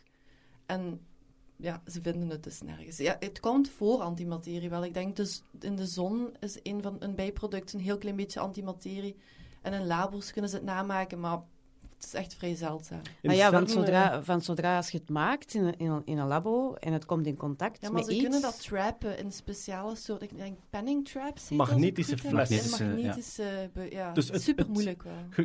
Je, kunt dit niet in een potteke stoppen, want vanaf dat het potteke aanraakt, Ja. ehm, verdwijnt het. Ja. Maar je kunt met magnetisme, kun je, zoals ze ook doen bij een, een fusiereactor, kernfusiereactor, met, met magnetisme kun je een stof laten zweven dat ze geen materie aanraakt. Cool. En dus, ik ben in CERN ehm, eh, op bezoek geweest, een tijdje terug. En daar, op, daar staat een experiment waar ze antimaterie produceren.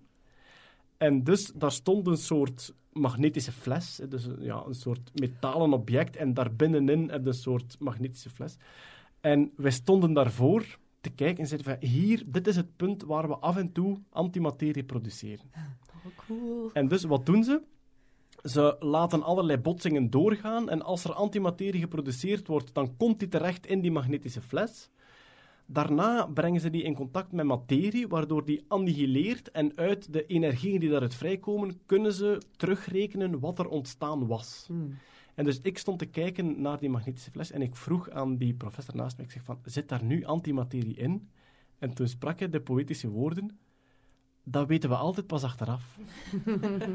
dus Maar dat is het verhaal van de meeste detectoren. Hè? Ah, wel, je, ja, je dus- gaat altijd kijken naar producten, naar fragmenten, om te kijken wat er eigenlijk was. Maar het, Ja, maar het poëtische aan die antimaterie is, ze kunnen die stabiel bewaren.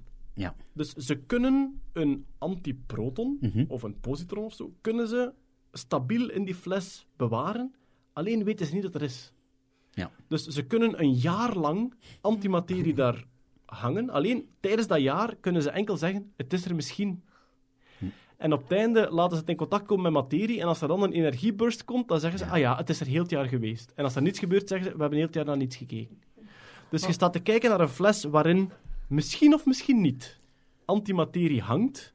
En je kunt pas achteraf zeggen of wat er was of niet. Was Ja, dat ik vind niet dat zo wel- in het begin dat de deeltjesversneller gebouwd... Allee, toen die af was, dat zo heel veel media waren zo van... Wanneer komt antimaterie en dat gaat de aarde opslokken met materie. ja, ja, dat, waren toen, was dat dus was zo- toen het nieuwsblad. Ja, Eh, ja, dat was zo de clickbait van die ja. tijd, hè. er gaan zwarte gaten gevormd worden Ja, ja. En, en we gaan allemaal opgeslokt worden. Zeg maar lieve, als dat zo kijken is naar iets en je weet het niet, is het dan wetenschap? Ja, natuurlijk. Iets niet weten is... Is zo Dat mooi. is een beetje de kern van de Is de wetenschap. kern van de Ja, dat is waar. Maar, Iets van, we gaan, we gaan later weten of het waar was wat we dachten of niet. Dat is een beetje de kern. Ja, zie, dat was mijn probleem met die koppen ook. Ik snap dat niet. Ik vind een kop van, hey, we hebben het niet gevonden, maar eh, we gaan nu op zoek naar waarom dat die imbalance er wel is. Vind ik even cool als, ja, het universum bestaat niet. Waarom dat zoveel hipper Ja, en maar om daar een beetje worden. tegengewicht aan te bieden, weet je, zo'n kop wordt daar ook boven gezet door een eind- of hoofdredacteur. Tuurlijk, denk iedereen ja. die al van dicht of van ver met media in aanraking gekomen is.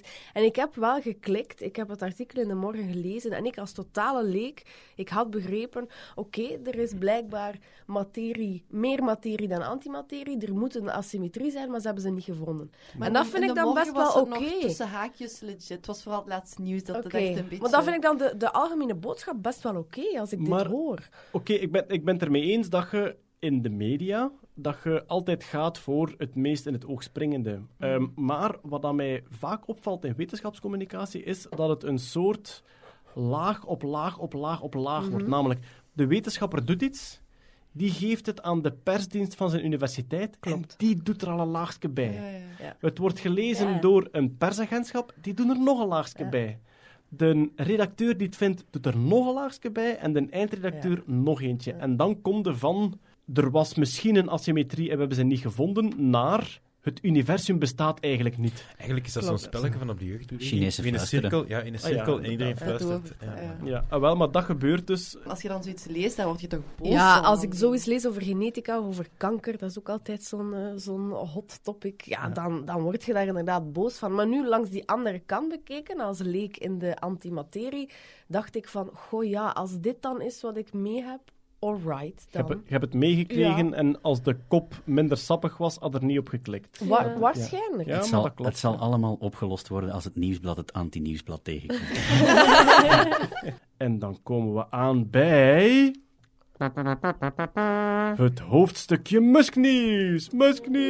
Musknieuws. Redelijk wat slecht Musknieuws toch, hè, deze maand? Niet zo goed. Het hoogtepunt voor mij van, eh, van de maand was eh, toen hij op het dak zat Johnny Cash te zingen. Op, aan een kampvuur met een hotdog en, en een glas whisky. En alles ging goed voor hem, blijkbaar. Maar het, het gaat eigenlijk helemaal niet goed, hè, want zijn, cijfers, zijn, zijn kwartaalcijfers vallen enorm tegen. Hij heeft... eh, Heeft, heeft hij Oh, dat, wel. hetgeen dat jij nu juist zegt, heeft hij dat in een filmpje gepost? Ja, je kan dat gaan kijken op Instagram. Staat hij daar ergens ja, semi-dronken Ring of Fire te zingen met een eh, glas whisky in zijn hand om twee Maar goed. We moeten Musk altijd opsplitsen in de verschillende bedrijven. Hè. En dus waar het voornamelijk niet goed gaat momenteel is Tesla. Namelijk de Model 3. Dus die auto die al, waar heel veel pre-orders van zijn. Die productie loopt gigantische vertraging op. Oh, gigantisch, gigantisch. Ja, je Eh, kunt wel zeggen, gigant. hoeveel zijn er geleverd nu? Een paar honderd? En hij sprak over duizend per maand, of tienduizend per maand zelfs. Ja, het is ook niet nieuw, hè. Dat is niet, dat is niet de eerste keer, denk ik, hè, zo'n vertraging. Ja, oké. maar dus, eh Swat, het vertrouwen van de consument blijft. Hè, want dat is de grote Ja. zorg van de investeerders. Hmm.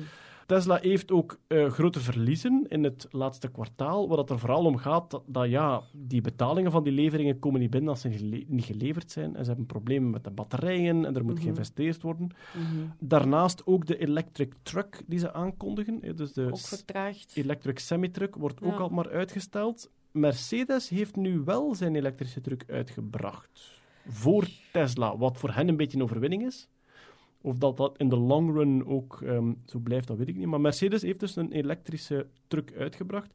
Waar ik me altijd van afvraag van, in welke mate is dat economisch rendabel om zo'n gigantisch gewicht aan batterijen en Dus welke de actieradius heeft Ja, dat dan? Ah, wel, maar dat is de vraag. Ik, weet, ik, heb, ik, heb, ik heb de specs niet gecheckt, maar inderdaad, het feit dat een vrachtwagen Ja. gigantische afstanden aflegt en gewoon even diesel moet bijtanken en verder kan, dat lijkt mij een zodanig nadeel om dat elektrisch te doen, dat ik daar veel grotere vragen bij heb dan bij een elektrische auto. Maar goed, Mercedes heeft zijn elektrische truck uitgebracht en time will tell Mm. of dat dan goed wordt of niet. Eh, in het goede nieuws zouden we kunnen zeggen, hij heeft de eerste beelden van zijn tunnel onder LA laten zien. hè. Dus de, de Boring Company. Hij wil tunnels boren in de eerste plaats om metro's door te sturen, denk ik, en dan ook om auto's door te sturen op van die Ah, ik platformen. dacht dat het andersom was, eerlijk gezegd. echt, ja? ik dacht Ah, dat oké. hem eigenlijk eerst... Dat kan ondertussen veranderd zijn. Op zich ook indrukwekkend, want zijn eerste tweet als zijnde ik ga beginnen boren is anderhalf of twee jaar oud. Nog En- niet, denk ik, Ja, eigenlijk. voilà. En hij is nu al tunnels aan het Ja. boren. Ook weer in het slechte nieuws, de Falcon Heavy. Dus zijn nieuwe, nog grotere raket is alweer uitgesteld, wat al twee jaar lang het geval is. Hij ging in november gelanceerd worden, maar dat is nu veranderd in voor het einde van het jaar. En de vraag is maar of ze dat halen of dat er niet nog eens uitgesteld wordt. Voor de duidelijkheid, dat is nog niet een BFR, hè, nog niet een Big Falcon Ja, is rocket. het, is het ook niet omdat ze met, die BF, met de Big Fucking Rocket bezig zijn, dat een ander even moet wachten? Geen idee. Ik weet het niet. Maar over SpaceX kunnen we wel zeggen, die Falcon 9, dus de raket die Mhm. momenteel wel die commerciële lanceringen doet, die doet het geweldig goed. Die Ja, dat is- breekt het ene lanceringsrecord na het Ja, andere. 13 op een jaar of zo zelfs. Ja, voilà. En volgend jaar nog meer. En, Mhm. dus... en gigantische kostenbesparing door die ook te doen landen. Dus dat gaat eigenlijk fantastisch goed. Ook, ze zitten toch niet in Puerto Rico. Er was even Jawel, sprake. Dat wel. beetje wel? Ja? Ze zijn daar zo eerste lijns, hebben ze daar zonnepanelen gelanceerd. Dus- Maar het lange termijn contract hebben ze inderdaad niet. Maar om te duiden, dus Musk had op Twitter gezegd van Puerto Rico na het passeren van de orkaan, wij gaan jullie helpen om het stroomnetwerk opnieuw te installeren. Er was even een gesprek met de gouverneur van Puerto Rico. Hm. En nu blijkt dat een ander bedrijf het contract gekregen heeft. Maar Ja, zij zijn toch... Ja, twee jonge gasten. Ah, oké. Ja. oké, ja. Goed, hij heeft genoeg te doen, hè, eh, Musk. En dan ook kijken naar de andere alfamannetjes in Silicon Valley. Richard Branson investeert in Hyperloop. Ja. Dus Hyperloop One wordt nu Virgin Hyperloop One. en hij wil concurreren met SpaceX. Hij gaat ook eh, Maar dat is al lang bezig. Hè? lanceringen doen, maar enkel lage gewichten. En het grote verschil is, hij gaat net zoals zijn een Virgin Galactic. Het is een raket die onderaan een boeing hangt. Dus hij gaat Mhm. met een gigantische boeing de lucht in. En pas als die heel hoog is, komt de raket los van het vliegtuig en vliegt die van daar naar de ruimte. Waardoor dat je enerzijds kosten bespaart en anderzijds enkel lage gewichten kunt vervoeren. En dan onze goede vriend Bezos is de rijkste man ter wereld. Alweer. Weer al. Hij heeft Gates ingehaald. Hij heeft op één nacht tijd is hij 7 miljard dollar rijker geworden. Dus je Bitcoins, hè. Je gaat s'avonds, je gaat s'avonds slapen en gewoon door een beetje beursspeling worden s morgens wakker en zijn er 7 miljard rijker. Wat doe je dan? Wat heb je dan als ontbijt? Wat je dan doet, dat is bovenop een windmolen gaan staan en daar een fles champagne op kapot slaan. Wat hij ook gedaan heeft. ik denk dat je goud laat halen uit de dichtstbijzijnde neutronenversmelting. Neutronensterversmelting, sorry. En eh, Amazon, ze hebben ook iets nieuws, de Amazon Key. Je kunt je domotica zodanig aanpassen dat een Amazon-courier ook binnen kan als je niet thuis bent. Ja, eigenlijk is het dat je slot van je deur vervangt en dat die courier dat kan open doen. Ja. Dus, eh, maar, de moment dat de courier binnenkomt, krijg je ook op je telefoon beeld van je eigen huis, dat je Mhm. kunt zien wat hij doet. Het is eh, het, het oplossen van eh, een heel typisch first world problem. Mm. Ik was niet thuis als ze kwamen leveren. Goed, nog een paar korte nieuwsjes. Saudi-Arabië heeft een robot burgerrechten gegeven, waarvan we allemaal, denk ik, onmiddellijk zeggen, wat een dwaze marketingstunt. Ja. En vrouwen mogen daar niet met de auto rijden. Ah, ook Sinds al. een maand wel. Ah ja, juist. Sinds ja. een maand. Wow. En dan hebben ze gezegd, ja, maar dan gaan we die robotmensen richten. Ja. Ja, voilà. Maar het is een vrouwelijke robot. Hè. Het gaat Maar hem over Sof- Ah, Sophia. Sophia. Het is een, een, een conversatierobot, maar vooral die ook een gezicht gekregen heeft van een soort siliconen en die bepaalde emoties kan uitdrukken, maar op een manier die heel erg in de uncanny valley zit, Ja. in de griezelvallei. Zo, het, het onthoofd mij niet op het publiekelijke pijngezicht. ja, een zeer, zeer nuttig gezicht. in Zeer nuttig gezicht, ja. Burgerrechten voor robots, ik denk in de verre toekomst misschien, maar het slaat momenteel echt nergens op. Maar jij zei een marketing stunt? Waarom Ja, doen het is ze een- dit? Het is een PR-stunt, omdat ze daar... Ja, Saudi-Arabië is op zich wel een vrij innovatief land. oh nee, dat neem Techno- ik terug. technologisch. Technologisch. een Niet sociologisch, wel Ze hadden een technologisch. innovatief land en, Ah, en ze hadden waar? daar een summit en ze wouden daar een uitsmijter doen. Dus ja, dan hebben ze dus die Sofia op het podium eh, gezet en, en die dan burgerrechten gegeven. Allee, staats, eh, s- state citizenship, want ik denk niet dat ze mag gaan stemmen. Ze mag wel rondlopen zonder hoofddoek. Ehm, ze heeft ook geen mannelijke voogd nodig, wat elke vrouw in Saudi-Arabië dus wel nodig heeft. Dus daarmee is ze eigenlijk al verder geraakt dan de gemiddelde Saudi-Arabische vrouw. Dus Wa- wacht hoor, zitten we nu op het punt dat een robotvrouw in Saudi-Arabië meer rechten heeft dan een biologische vrouw? Juist. En heeft hij dan een paspoort waar niet op staat dat ze vrouw is, maar Ah, wel. iets anders?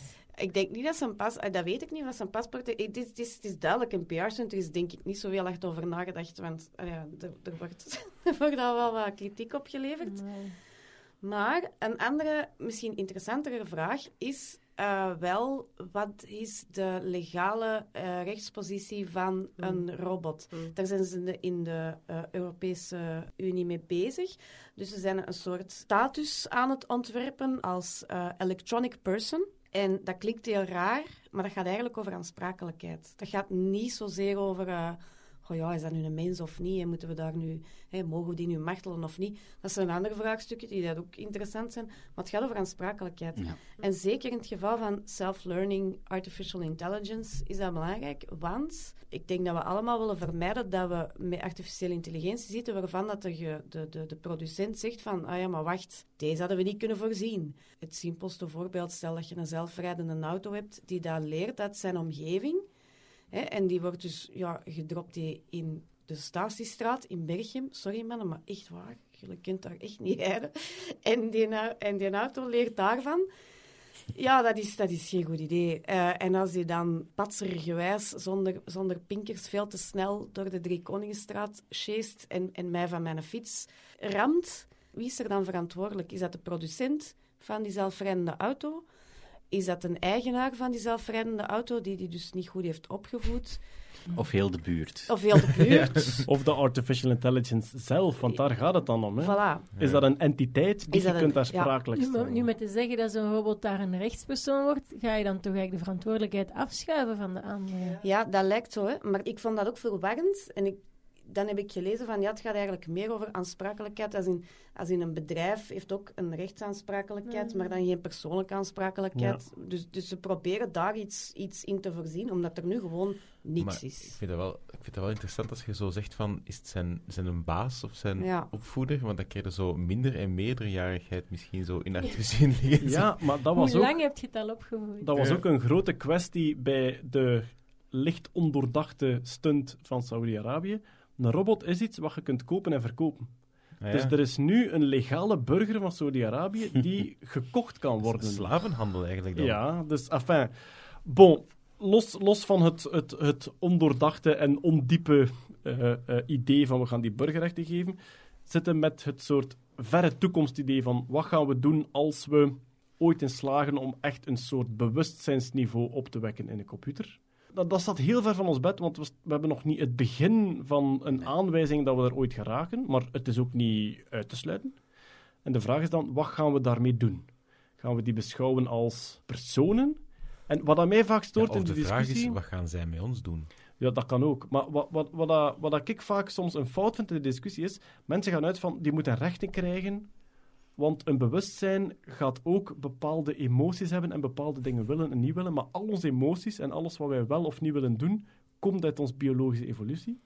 En dat gaat zo een, een robot toch niet hebben. Dus je kunt toch niet zeggen, we, we moeten zorgen dat die een aangenaam leven hebben. Wat is een aangenaam leven voor iets Je, je dat... zou die toch ook niet echt kunnen straffen? Dan wat gaat je zeggen, ga, ga 30 jaar in het gevangen. voor- Allee, wat gaat een AI daar doen? 30 jaar zetten. stand-by tijd voor u. Eh, Ja, allee, De straf Oké, is dan. Maar dat is iets, en, en dat brengt ons bij de film Blade Runner 2, die Mm. uitgekomen is. Er is een Mhm. scène in Blade Runner 2, en ik denk niet dat ik daar iets mee spoil. Er is een scène in Blade Runner 2 waarin de robots zeggen van, ja, er is, er is iets van, een bepaalde onvolkomenheid of een bepaalde emotie van, ja, dit moeten we toch echt vasthouden. It's the only thing that makes us human. Dat ik bij mijn eigen denk, waarom zou een artificieel intelligent systeem denken, ik wil menselijk zijn? Nee, die gaan in het beste geval niet op ons neerkijken. Maar waarom dat die gaan denken van, oh, dit maakt ons menselijk, hier streven we naar. Ik zie het niet hoor. Tenzij Als je dat het erin geprogrammeerd hebt. Ja. Ja, oké, maar waarom dat dat is doen? eigenlijk ook, dat vond ik ook een beetje, dat vond ik eigenlijk wel een beetje creepy aan die Sofia. Nu, ik weet ook wel, dat is, eh, je, kunt daar interviews mee bekijken. Dat lijkt allemaal heel spontaan. Ik, ik ben er zeker van dat dat allemaal voorgeprogrammeerd is, wat dat hij zegt. Dat Jimmy Fallon-interview is volledig geprogrammeerd. Dat Ja. merkte aan zijn vragen en aan Ja. antwoorden. Ja. Maar wat dat ik wel een beetje raar vind, is dat ze dan eh, zegt van... Ja, ik leer, uit, ik leer uit mijn interacties met mensen. Dus please be nice, because I want to be a good robot. En oké, dat die technologie nog niet op punt staat, oké, maar dat kan wel. Dus stel dat je een robot programmeert. We hebben dat gedaan. Hè. Microsoft heeft dat toch gedaan, zo die rare, die rare chatbot op Twitter, die dat dan leerde van de interacties met andere mensen en dat weer een soort... Nazistisch Ja, pedofiel werd. Ja. Inderdaad. Wat dat Ehm, veel vertelt over ons gedrag op het internet eigenlijk. Ja. Op Twitter vooral. Ja, inderdaad. Maar dus dat wil maar zeggen dat je, hey, dit- je steekt maar in een robot wat dat je erin steekt. Hè. Dus Ja. stel dat je dat daar dan insteekt van uw missie is zo menselijk mogelijk zijn. Maar dat gaan we toch niet Ja, doen? maar- we maar gaan nee. toch... Nee, dat die- denk ik ook niet. Nee. Die robots mensen. die zelflerend worden, die leren wel by example. Dus het zou niet zo raar zijn dat die gedrag van waar ze vaak mee in contact komen overnemen. En als ze dat, dat, dat vaak mensen zijn, dan ga je wel bepaalde menselijke eigenschappen daarin krijgen. Plus, en dan krijg je de feedback van de mensen die daarop reageren. Want dat is ook al bewezen, je wordt heel snel empathisch tegenover iets waar dat je eigenlijk geen empathie voor zou moeten hebben. Hè, dus zo een, een, robot die een klein beetje menselijk is en die een klein beetje menselijk reageert, Ja. heb je al heel snel medelijden mee. Dus dat geeft toch wel een hele rare dynamiek, wat dat, ik denk inderdaad heel ver van ons bed is. En ik denk dat dat inderdaad een ethische, meer filosofische, sociologische kwestie is. Helemaal los van, van, van die rechten. Maar toch wel interessant om over na te denken. Ja. Ja, het staat nog heel ver van ons, maar het is, het is boeiend hè, om over Ja. de verre toekomst te speculeren. Goed, ik heb nog één puntje staan en dan gaan we afsluiten. We hebben bezoek gekregen in ons zonnestelsel van een rotsblok dat van buiten het zonnestelsel kwam. Dus je hoort vaak over asteroïden of objecten die op de aarde kunnen inslaan. Meestal zijn dat objecten die in ons zonnestelsel zelf ronddraaien en een beetje uit een, een elliptische baan hebben, waardoor ze af en toe de aardbaan kruisen. Maar nu is er een rotsblokje langsgekomen dat dus aan een gigantische snelheid van buiten het zonnestelsel kwam. En dat was de eerste keer? Nu, gebeurt regelmatig. Oké. Maar het is wel, denk ik, de eerste keer sinds dat we de dingen zo goed observeren en in de gaten hebben. En dat is van heel dichtbij gevolgd. Het kwam heel dichtbij, want door de zon is het afgebogen. Eh, het kwam in de buurt van de aarde, maar zeker niet gevaarlijk in de buurt. Ik denk de belangrijkste conclusie was... ehm, stel dat het op collision course met de aarde zat, konden we niets doen. Dus de, de NASA en de ESA hebben nu al bepaalde hele basisplannen om als we lang op voorhand zien dat een asteroïde op ons afstevend, kunnen we die al wegduwen. Maar omdat deze van buiten het zonnestelsel kwam, kwam die met een zodanige snelheid en ook met een zodanige energie, dus, hè, de, die kinetische energie, dat daar niets tegen te doen viel. Dus ehm, stel dat die naar de aarde kwam, dan wisten we dat, ik denk een paar dagen op voorhand, en konden we niets doen. Dus dan, voilà, daar hebben we Nu wat- onderschat jij Bruce Willis. Hè? Als je zegt dat als het kleiner was of trager komt, kunnen we hem wegduwen. Hoe Ja. gebeurt dat dan fysisch? Wel, daar zijn momenteel plannen voor, verschillende plannen. Ofwel stuurt je daar een raketje naartoe en dat raketje hecht zich vast en gaat dan gewoon blijven duwen. Tegengas geven. Als je het heel lang op voorhand weet, is een kleine afwijking van de baan genoeg Ja, ja, dan om die, maakt dat veel voilà, om die veel later ergens totaal anders te laten uitkomen. Er wordt ook gedacht aan gravitational pulling. Als je er een object naast hangt dat zwaar genoeg is, trek het sowieso weg van zijn baan.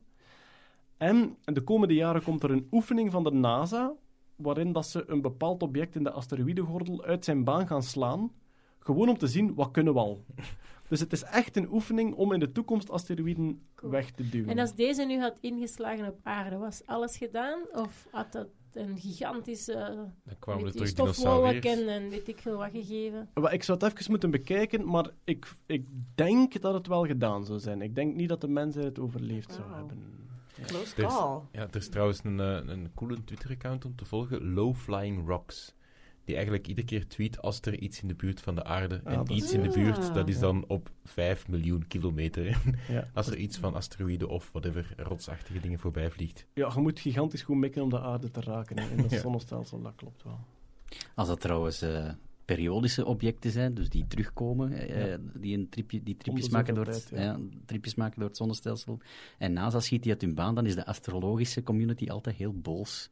Omdat zij eigenlijk voorgeprogrammeerde computermodellen hebben die daar alle celestiale objecten in de oog houden. De astrologen. Ja, astrologen, ja, ja die Maar hebben... die houden astrologen zich ook bezig met asteroïden of enkel met planeten? Als, Dus astrologen, voornamelijk, de voornamelijk planeten. Ja, de ja, ja. voornamelijk ja. planeten natuurlijk, maar als die dingen iets of wat een redelijke grootte hebben, dan zit dat mee in dat model. Dat Als je, er- als je er een markt uit kunt creëren, Ja, dan... voilà. Ah, dat wist ik niet. Dat, dat je in de astrologie ook met andere ruimteobjecten... Eh, maar dan is NASA eigenlijk een beetje god, want ze zijn de toekomst aan het veranderen.